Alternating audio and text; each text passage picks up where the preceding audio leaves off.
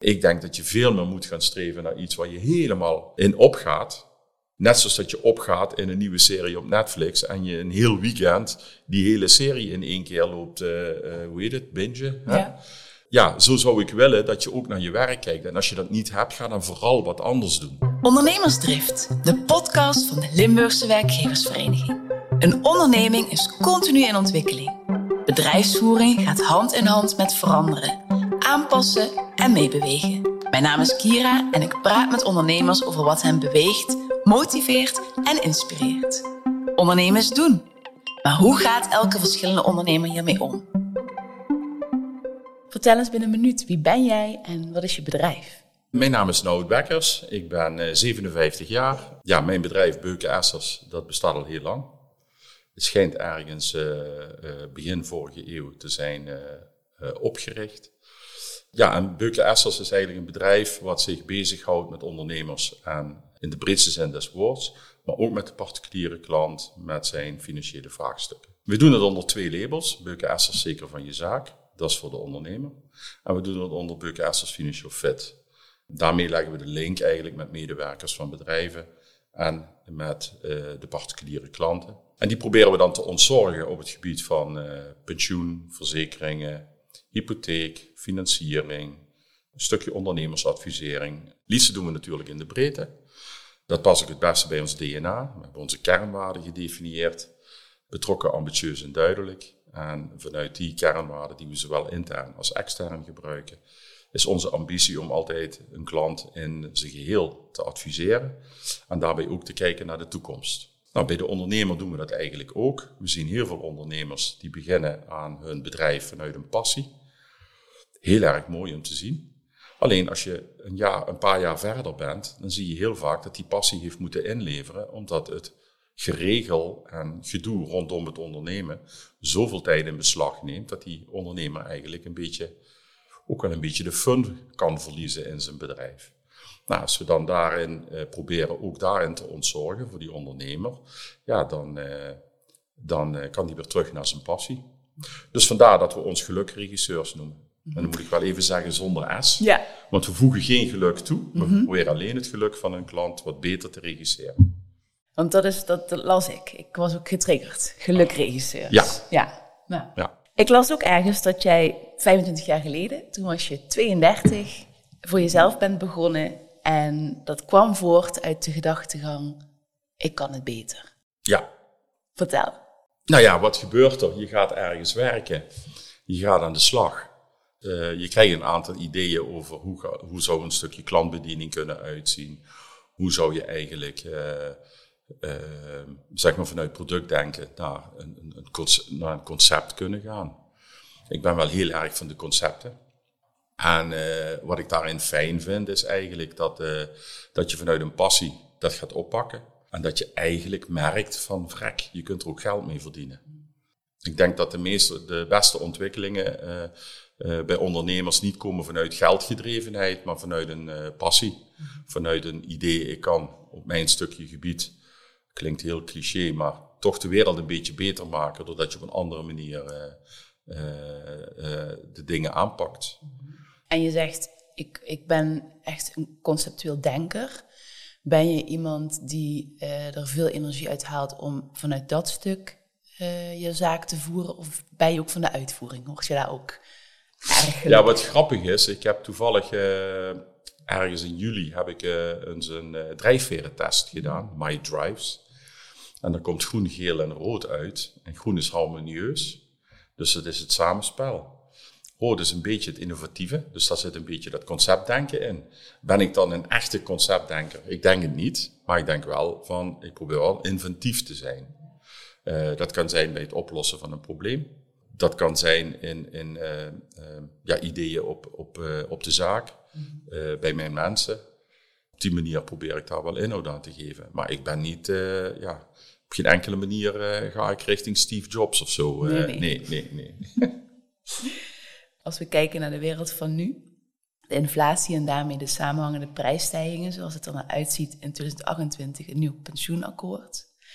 Hoe kijk jij dan naar de toekomst? En je zegt net, ik probeer ook wel innovatief te zijn. Hoe, hoe is dat voor jou? Ja, wat ik heel erg belangrijk vind in al die ontwikkelingen is dat er een stuk eerlijkheid zou moeten terugkomen. We leven nu net, uh, hebben we weer de Prinsjesdag en de algemene beschouwingen gehad. Uh, of die zijn nog aan de gang. Maar dan, dan zie je gewoon dat het echte gesprek uit de weg gegaan wordt. En daar heb ik wel een hekel aan. Daar verzet ik me ook een beetje tegen. Uh, ik vind het prima dat er dingen veranderen. Ehm, maar uh, zeggen door de voordeur en niet via de achterdeur. Nou, de wet toekomstpensioen. Ja, wat vind ik daar? Het, het, ik vind het prima dat we zeggen vanaf vandaag gaan we het anders doen. Maar wat ik niet prima vind, is eigenlijk dat er ook gezegd wordt, ja, maar wat je in het verleden hebt, gaan we ook omzetten in dat, uh, in dat nieuwe systeem. En dat betekent dat van zeker pensioen onzeker pensioen wordt gemaakt. Nou, maar dat wordt niet echt gezegd. Dat noemen ze dan uitwerking of daar wordt niet echt over gesproken, maar uiteindelijk is dat wel uh, wat er gaat gebeuren. En ik verwacht naar de toekomst toe dat daar uh, heel veel mensen onzekerder over worden. Want je zegt het echte gesprek wordt niet gevoerd. Ja. Waar zou het over ja. moeten gaan? Iedereen dekt zich in. Ja, we houden ook in stand uh, het hele, uh, ja, de uitdrukkingen, de kleine lettertjes. We houden dat gewoon in stand. En ik vind dat het is 2023. We hebben dat al heel lang. En ik vind dat dat eens een keer zou moeten stoppen. Mm -hmm. En wat betekent dat voor jullie vak? Uh, voor ons vak betekent dat niks, omdat wij proberen juist vanuit die eerlijkheid dat overzicht te scheppen. En dat is dat coachen vanuit Financial Fit, de Financial Fit gedachte. Dus we zeggen ook tegen de ondernemer, goh, ben je zelf financieel fit? Heb je je zaakjes op orde? Weet dat gewoon. Ga er niet meer vanuit dat je onderneming je volledige pensioen is. Uh, want het kan vies tegenvallen. Zeker met de dingen die jij nou net al zei over de inflatie en die loonontwikkelingen. Het gaat gewoon, uh, we gaan weer, denk ik, richting een, misschien wel richting een kleine crisis aan. Nou ja, als dat gebeurt, ja, dan is het goed om te weten waar je naartoe bent. Ik las ook ergens dat het doel van jou, als, je met, als jij met pensioen gaat, dat Beuken Essers op zichzelf staand is. Heel even, er hoort een beetje verhaal vooraf. Ik heb Beuken Essers eigenlijk drie keer gekocht. Dat wil zeggen, ik heb het bedrijf een keer gekocht. Ik was toen niet alleen, ik had nog twee compagnons. Dat was in 19, uh, 1, 19, 1 januari 1998. Vervolgens is in 2007 een, uh, een compaan uh, heeft afscheid genomen. Dus die heb ik moeten, mee moeten uitkopen met de anderen. En in 2018 is de tweede compaan afgehaakt en heb ik weer zijn deel uh, gekocht. Dus ik heb Beuken Essers eigenlijk ja, drie keer gekocht. Toen ik het de laatste keer zeg maar, gekocht heb, in 2018, ben ik eigenlijk naar adviseurs toegegaan die het driemanschap, driemanschap kenden. Dus bestaande adviseurs die heel goed uh, wisten wat de, hoe de rolverdeling was toen we nog met z'n drieën en met z'n tweeën waren. En met hun ben ik eigenlijk eens gaan kijken van, uh, ja, wat is er nu? Wat wordt nu mijn rol? Toen ben ik aan de ene kant ben ik gaan denken aan de why. Daar hebben we eigenlijk gelukregisseur uit gevonden, maar als groep. Dus het was een, een groepsproces uh, waarin wij op zoek gingen naar onze why. En dan was het eigenlijk bij de particuliere klant was het met name lekker leven, lekker wonen lekker werken. En bij de ondernemer was het eigenlijk het ontzorgen. Ja, en dan is eigenlijk gelukregisseur is een hele mooie containerbegrip, waarbij je alle twee die dingen uh, kunt, uh, uh, in kwijt kunt. naast het gelukregisseur ben ik ook zelf gaan denken, wat wil ik? Toen heb ik zelf zoiets gehad van, ja, ik zou het mooi vinden als ik een groep mensen bij elkaar zou krijgen die zelf organiserend in ieder geval zijn. Zelfsturend is de wens. Maar daarvan vraag ik me af of dat echt gaat lukken, maar zoveel mogelijk. En dat eigenlijk als ik het een keer verkoop, aan wie dan ook, want ik heb geen enkel idee, het staat nog niet op de agenda, dat eigenlijk die partij die dat doet, eigenlijk denkt, als ik het zo laat als dat het is, is het voor mij rendementstechnisch het maximum. En betekent dat ook, hè, je hebt nu ongeveer 21 medewerkers in dienst, mm -hmm. dat je wil groeien? Uh, daar hoort een stuk groei bij. Die groei gaat ook goed. Het is eigenlijk een probleem van mensen vinden. Uh, maar wie zegt dat niet in deze tijd? Het betekent ook dat wij niet kosten wat kost mensen gaan uh, aannemen. We blijven vasthouden aan ons DNA. Uh, dus als we met mensen in gesprek gaan, proberen we toch heel duidelijk te maken dat ze moeten kiezen voor het bedrijf, niet voor het salaris. Dus we houden ook bijvoorbeeld in euro's gaan we niks doen. We nemen meestal het salaris over van de vorige werkgever. Omdat we niet willen dat je voor die euro komt en volgend, dan ben je misschien volgend jaar weer weg. Uh, je moet kiezen voor het concept, voor de aanpak, voor wie we willen zijn, voor uh, het type bedrijf. Uh, het moet echt passen. En op dat moment gaan we eigenlijk pas met elkaar het sollicitatiegesprek in. En hij zegt terecht, het is moeilijk om goede mensen te vinden. Ja. Uh, salaris moet geen drijfveer zijn. Nee. Hoe bind jij dan die, mensen aan jouw organisatie? Ja, door een combinatie van vrijheid, uh, meedenken en uh, proberen de aspecten van werkgeluk zo maximaal mogelijk in te voeren. Mm -hmm. Het thuiswerken bijvoorbeeld. We hebben dat tot nu toe nog helemaal niet zoveel gedaan. Ja, we zijn een bedrijf, we werken met een AFM-vergunning. Die bestaat eigenlijk uit vijf of zes delen. En iedereen bij ons heeft wel een stukje vaktechniek. Maar als het samenkomt bij die klant en ik wil die klant bij mijn kernwaarden ambitieus vanuit zijn geheel bedienen, dan heb ik samenwerking nodig van mensen die uh, samen dat advies voor die klant moeten maken. Dus je hebt het verzekeringenstuk, je hebt het pensioenstuk, je hebt het financieringstuk. Nou, dat moet ergens bij elkaar komen. Dan werkt dat heel onpraktisch. Dan heb ik het over een belang van het bedrijf. Uh, maar het is ook een stukje werkgeluk in de zin van als je het beste wil presteren, is het heel erg fijn als je dan ook direct op je collega kan leunen. Maar jij zegt dat het is wel onderdeel van bij ons werken. Ja, maar het moet ook vanuit de groep komen. Ja. Dus als ik dat soort dingen doe, we hebben een uh, projectgroep 9 Plus, we willen een 9 Plus organisatie zijn. En in die projectgroep wordt dus gekeken naar werkgeluk. Maar er hoort ook mijn werkgeluk bij als, als, als werkgever. En daar hoort ook uh, bij dat als jij je werkgeluk hebt en je mag uh, dingen doen heel flexibel, uh, wat betekent dat voor je collega? Hè? En als we met z'n allen intern aan het overleggen zijn, en dat gaat allemaal via uh, Teams, wat betekent dat voor de dienstverlening? Want dan zijn we minder bereikbaar. Ja. dus dat soort dingen. Ja. Ben ik een werkgever van de oude stempel? Misschien wel. vind ik het dus belangrijk dat mensen naar kantoor komen. Op kantoor zijn er zat momenten dat mensen met elkaar zitten te praten. En het hoeft niet altijd over werk te gaan. Maar ik vind werk ook iets sociaals. En ik vind het ook iets wat je leven invult. En eh, ik vind dat we nu wel eens te veel misschien wel doorslaan in de zin van werk is om te pinnen. En daarna wil ik buiten mijn werk wil ik vooral heel veel leuke dingen doen. En uh, ja, dat is een beetje de combi. En daar de optimale mix in vinden. En dat vind ik moeilijk overigens. En wat vind je daar moeilijk aan? om de generatie, de jongere generatie daarin te begrijpen. Mm -hmm. Ik vul dan in, zij hebben wensen waar jij vanuit jouw achtergrondleeftijd anders naar kijkt. Uh, kijk, ik heb de opvoeding dat werken niet vies is en uh, je moet gaan werken. Dat is een beetje vanaf geboorte erin gestampt. En niet eens erin gestampt, dat, dat, nam je, dat ging vanzelf. Dus dat vind ik, uh, dat vind ik nog steeds. Maar ik ben wel een enorme aanhanger van Confucius. Die zegt, geef mij, geef mij werk wat ik leuk vind en ik hoef nooit meer te werken. En ik denk dat je veel meer moet gaan streven naar iets waar je helemaal uh, uh, in opgaat. Net zoals dat je opgaat in een nieuwe serie op Netflix en je een heel weekend die hele serie in één keer loopt, uh, hoe heet het, binge. Ja. ja, zo zou ik willen dat je ook naar je werk kijkt. En als je dat niet hebt, ga dan vooral wat anders doen. Ja. Maar zoek iets waar je die drive, die energie, die voldoening, uh, waardering vind ik ook heel erg belangrijk. Wat dat uitkomt. En waardeer ik mijn mensen? Ja, ik waardeer ze. Zeg ik het? Altijd te weinig. Mm -hmm.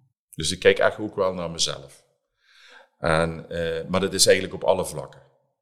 Thuis moet je ook wel eens zeggen tegen je partner dat je, dat je hem of haar waardeert. Zeker. En zeg je, dat, zeg je dat te weinig? Ja, maar ik waardeer mijn vrouw wel en ik waardeer mijn kinderen. En uh, als, we, als je dan zo hier zit en je zit dat zo te bespreken, dan denk ik, ja, hadden we wel weer eens een keer wat vaker thuis mogen zeggen. Hè? Dat, is even een mooie eye-opener ja. om mee te nemen. Nee, maar, ja, ja, natuurlijk. Ja. Nou, uit welke moeilijke keuzes heb jij het afgelopen jaar voor jouw bedrijf moeten maken?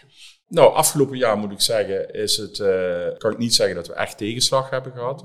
Natuurlijk, uh, iedereen kan zeggen de huizenmarkt is wat moeilijker geworden, de hypotheekrente is gestegen, problemen, problemen, problemen. Maar per saldo uh, is dat allemaal te overzien. En het is een golfbeweging waar iedereen last van heeft. Dus ik vind niet dat ik moet klagen. Kijk, in de coronatijd heb ik ondernemers aan de lijn gehad. Die me gewoon zeiden van luister, ik ben de eerste die stil komt te liggen. En ik ben de laatste die opstart. Die zat in de catering. Ja. Kijk, Ja. dat zijn de echte slagen. Ja. Die bedrijven die hebben echt pas een pak slaag gehad. Dus dan vind ik dat ik niet moet klagen op relatief gezonde benen. Hoe blijf je leren als ondernemer? Eh, interesse. Wij werken als bedrijf onder een AFM-vergunning, Autoriteit Financiële Markt. Dat klinkt allemaal heel moeilijk. Dat betekent dat al mijn mensen die adviseren, dus die aan de, tegen de klant iets zeggen over een specifiek financieel product van een specifieke aanbieder, dus een specifieke verzekeraar of bank, die moeten WFT geschoold zijn. En dat betekent dat onze groep eigenlijk iedere drie jaar examen moet gaan doen. Uh, ik zelf heb, heb alle vergunningonderdelen. Dus dat betekent, ik doe dan uh, uh, vijf of zes examens die ik moet doen om weer de komende drie jaar te mogen adviseren. Dat wordt ook bijgehouden bij Duo. Dus ik ben als 57-jarige, sta ik nog steeds bij Duo geregistreerd. Vind ik op zich wel een leuk. Houd je jong. Houd je jong, zeggen ze dan. hè. dus dat. maar dat is eigenlijk verplichte kost. waar leer ik van eigenlijk? wat ik net zeg zo'n drijfverenonderzoek doen. Even naar mezelf kijken in de spiegel uh, als mens. Ik heb mijn eigenaardigheden. Uh, ik ken ze. Wat zijn je eigenaardigheden? Ik zou altijd beter moeten luisteren. Altijd. Maar volgens mij geldt dat in meer of mindere mate voor iedereen. Maar goed, even naar mezelf kijken. Meer luisteren. Maar je zegt eigenaardigheden. Ja, minder oplossingsgericht. Als ik mijn klanten vragen naar oplossingen, maar als ik thuis kom, los ik verder op. Moet ik niet doen, luisteren. Dat is ook wel eens moeilijk voor mijn vrouw. De betrekkelijkheid van dingen. Ik ben uh, vorig jaar december eventjes uh, niet goed geworden op de zaak en met een ambulance afgevoerd. En achteraf bleek dat allemaal niks te zijn. Was gewoon mijn uh, evenwichtsorgaan was van streek. maar het was gelukkig niks. wel een heel mooi moment als je het over reflectie hebt. Want dan ga je ook denken, als je in de CT-scan ligt en in de MRI, ga je toch eens even denken, Ja. wat ben ik aan het doen? Ja. En heel eerlijk En was mijn conclusie, ik zou niet veel anders doen. Dat is een mooi inzicht. Ik ben blij met mijn bedrijf, ik heb er lol aan. Eh, ik vind het ontzettend leuk. Ik kom zoveel verschillende mensen tegen. Dat is ook een beetje wat ik wel eens die generatie Z zou willen zeggen. Van, eh daar zit veel meer omheen. Hè? Ik vind het een, een, een, een, een, en misschien is dat wel iets wat ik kan leren van de jongere generatie, dat als je stopt met werken, dan stopt heel veel. En ik spreek ondernemers die hun zaak verkocht hebben en eigenlijk zeggen de dag daarna, mijn mailbox was al leeg, mijn telefoon gaat al niet meer, ik ben een beetje uitgerangeerd. En dat vind ik eigenlijk wel jammer. Dus de- in die zin zou misschien de generatie Z daar wel eh, meer balans in kunnen brengen. Dus de waarheid ligt in het midden. Ik vind, het heel, eh, eh, ik vind dat heel complex. Maar zoals ik nu in de wedstrijd zit of in het leven sta, is het zo dat ik heel blij ben met mijn thuissituatie. Ik ben wel meer wat aan het genieten Wat zijn de dingen waar je van geniet? Van thuis zijn. Ik hoef niet iedere, iedere vrije dag dan meteen op vakantie of weet ik wat. Een dagje thuis zijn is ook leuk en lekker. Hè?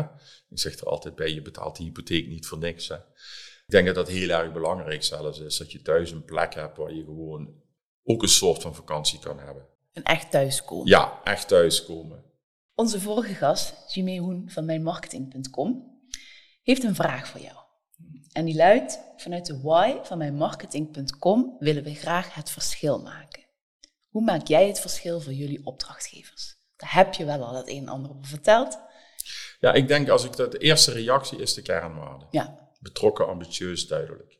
Betrokken wil zeggen, ook eens een keer bellen. eh, ik heb gisteravond een klant gebeld, die kreeg een MRI en die heeft claustrofobie. En die heb ik gewoon gebeld, even hoe is het gegaan? mooi. Echte betrokkenheid, persoonlijk, ik ben nooit weg. Dat proberen we ook in het bedrijf door te voeren. Ehm, dus als je gaat kijken, op het moment dat jij eh, eh, eh, je verzekeringen bijvoorbeeld regelt, dan zeg je tegen iemand, regel maar voor me. Maar het komt er eigenlijk op neer dat je iemand aankijkt en je denkt, vertrouw ik die piepersnijer of vertrouw ik hem niet? Want uiteindelijk ga je niet alles lezen.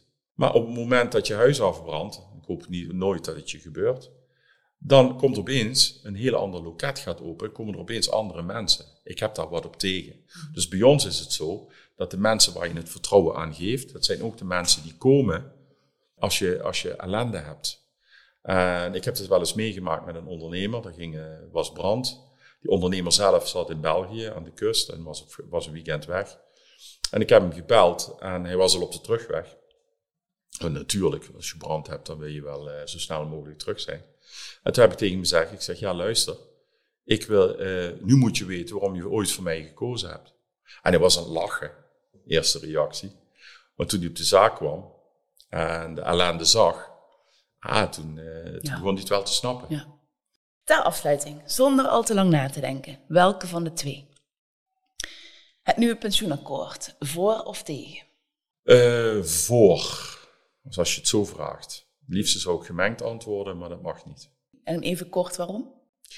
Omdat naar de toekomst toe vind ik een goed aspect. Het feit dat men het verleden gaat omturnen naar de nieuwe wereld, dat vind ik een slecht aspect. Ik ben jurist van huis uit, dus ik, uh, ik vind dat in strijd met het eigendomsrecht. Okay. Mensen die 10, 20 jaar briefjes hebben gehad dat ze een pensioen van 10.000 euro gaan bereiken. En dat ze al 3000 euro hebben opgebouwd en dit jaar daarna 3,5 en dit jaar daarna 4000 euro. Die mensen vind ik niet dat je die 4000 euro moet afpakken. Dat moet je houden en dat je dan naar de toekomst toe het, uh, het anders gaat doen. Prima. CBDC of crypto? Uh, ik ben niet zo van de crypto. Ik heb toevallig wel een potje in, uh, in bitcoin zitten. Dus echte keuze kan ik daar niet in maken. Daar ben ik te dom voor. Sparen in een oude stok of op de bank? Toch op de bank. Maar dat is vanuit risicoperceptie. Klassiek of jazz? Beide, voorkeur jazz. Oké. Zuinig of gat in je hand? Uh, zuinig dan. Ja. Kwam er een beetje wijfelend Ja, maar geen gat in de hand. Maar uh, ja goed, je leeft maar één keer. Een goede balans. Oké. Met vervroegd pensioen of langer doorwerken? Langer doorwerken. In welke vorm dan ook. Hè. Mm Hoeft niet aan mijn bedrijf gekoppeld te zijn. En als laatste, wat is jouw vraag voor de volgende gast? En dat is Ria Joosten van Ria Joosten Catering en Evenementen. Ik zou er een A- en een B-vraag van willen maken. Uh, corona heeft er natuurlijk ingehakt. Met name bij die cateringbedrijven. Uh, zijn de eerste die zijn stilgelegd en de laatste die zijn gestart. Dus dat uh, heb ik net al gezegd. Um, ja, eigenlijk, wat heb je ervan geleerd van die periode? En de tweede is, uh, wat zou je anders doen? Of heb je een scenario klaar liggen? Stel, er komt weer een corona, corona of carana, of weet ik hoe die dan gaat heten. Maar er komt weer zoiets aan. Okay. Ben je daarop voorbereid? Oké. Okay. Nou, dankjewel voor dit gesprek. Graag gedaan. Je hoorde het verhaal van Nout Bekkers en zijn bedrijf Beuken Essers. Wil je meer van dit soort verhalen? Luister dan naar de volgende aflevering van Ondernemersdrift, waar ik in gesprek ga met Ria Joosten van Ria Joosten Catering en Events. Dankjewel voor het luisteren en tot de volgende keer.